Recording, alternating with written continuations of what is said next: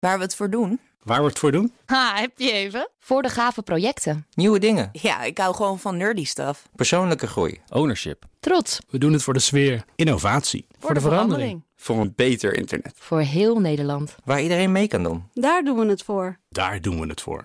Waar doe jij het voor? Kom werken voor KPN en groei op jouw manier. Check de actuele vacatures op het gebied van data, security, development en networking op jobs.kpn.com/tech. Wetenschap vandaag.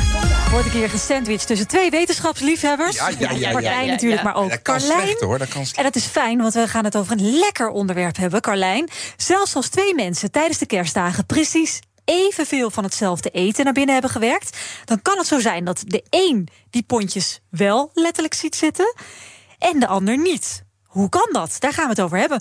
Ehm, Ja, noem het maar een lekker onderwerp. ik vind het een lekker onderwerp. Ik, ik, zo, het- we hebben het eigenlijk over de aanleg om dik te worden. Ik dacht dan altijd, dan hebben we het dus over aanleg, toch? Ja, zo zou je het kunnen zeggen. Maar eh, aanleg is natuurlijk vrij abstract. Eh, dus waar heb je het dan precies over? Waar in een nieuw onderzoek naar is gekeken, kan het iets te maken hebben met hoe ons lichaam dat eten verwerkt en met wat ons lichaam uit dat eten haalt. Ja, dat is wel een beetje breed. Als Nog- maar meteen jargon blijft, een beetje breed is. is nog steeds een beetje breed. Eh, nou weten we van eerder onderzoek dat er een link is tussen de samenstelling van microben in ons spijsverteringsstelsel en obesitas. Kunnen we niet, dacht onderzoeker Hendrik Roer van de Universiteit van Kopenhagen, bij mensen kijken naar dat microbioom in combinatie met het verwerken van eten?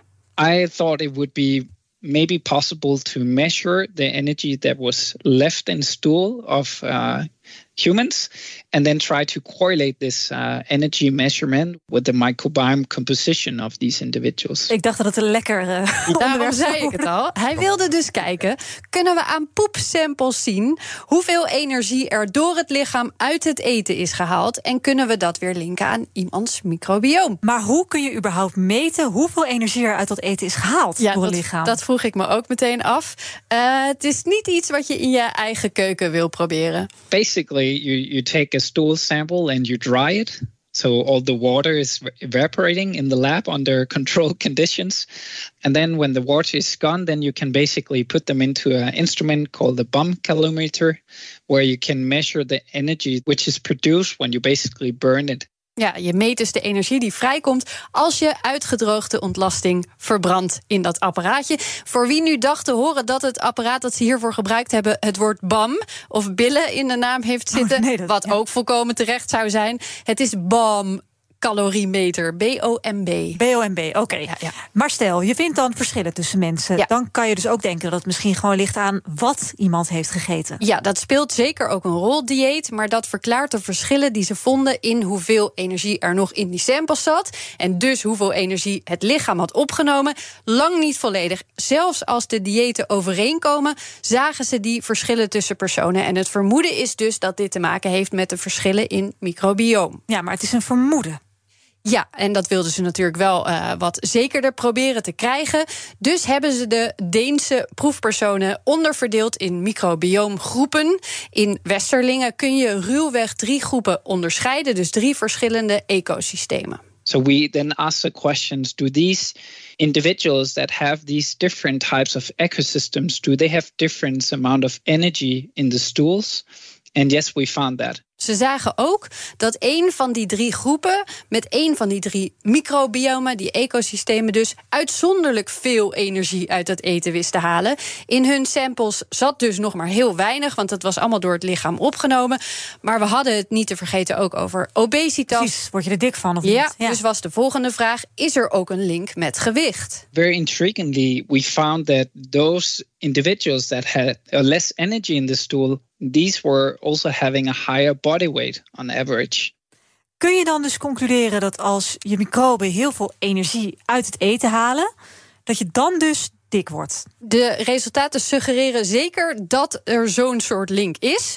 Dat het een het ander veroorzaakt. Hè, daar, moet je, daar moet je nog veel meer onderzoek voor doen. Maar dat gaan ze zeker meteen hierna ook doen.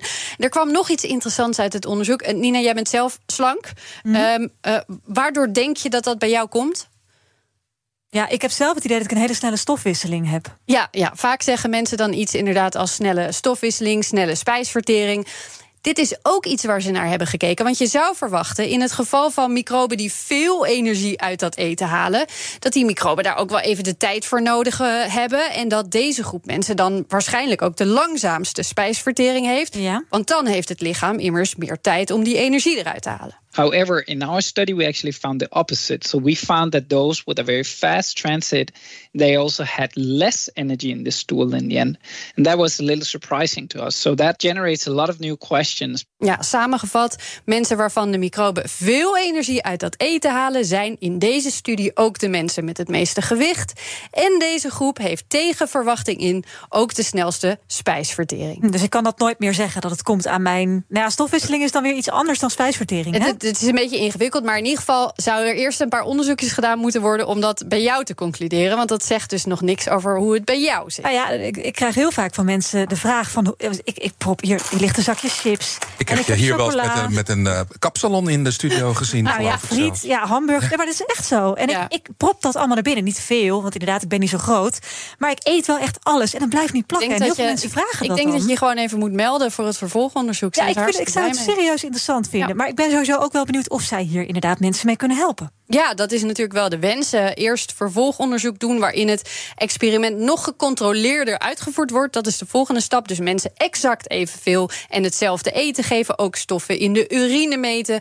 Eh, wat er in het lichaam precies gebeurt, beter bestuderen. We need a more controlled study to, to really figure out whether this could have clinical implications. So, in other words, could this over time have, mean a difference for, for weight gain? En dan is het idee niet alleen om mensen met bijvoorbeeld obesitas via dat microbioom dan beter te kunnen helpen met gewicht verliezen. Maar ook kunnen we op die manier ondervoede mensen, eh, ook ondervoede kinderen, beter helpen om gewicht vast te houden. Ja. Juist, dat willen ze gaan bekijken. Leuk om te vermelden, de Universiteit van Wageningen heeft ook meegewerkt aan dit onderzoek. Maar die kreeg ik niet te pakken. Die waren denk ik allemaal bezig met eh, Kerstdiner de kerstrestjes nog. Met een snel, langzame stofwisseling. ja. Precies, die zitten in een van die andere groepen inderdaad. Ehm, eh, maar eh, we zouden dus eh, bij dat vervolgonderzoek, wat ik al zei, nou als zij daar aan meewerkt, kunnen we ons vast heel makkelijk eh, melden daarvoor.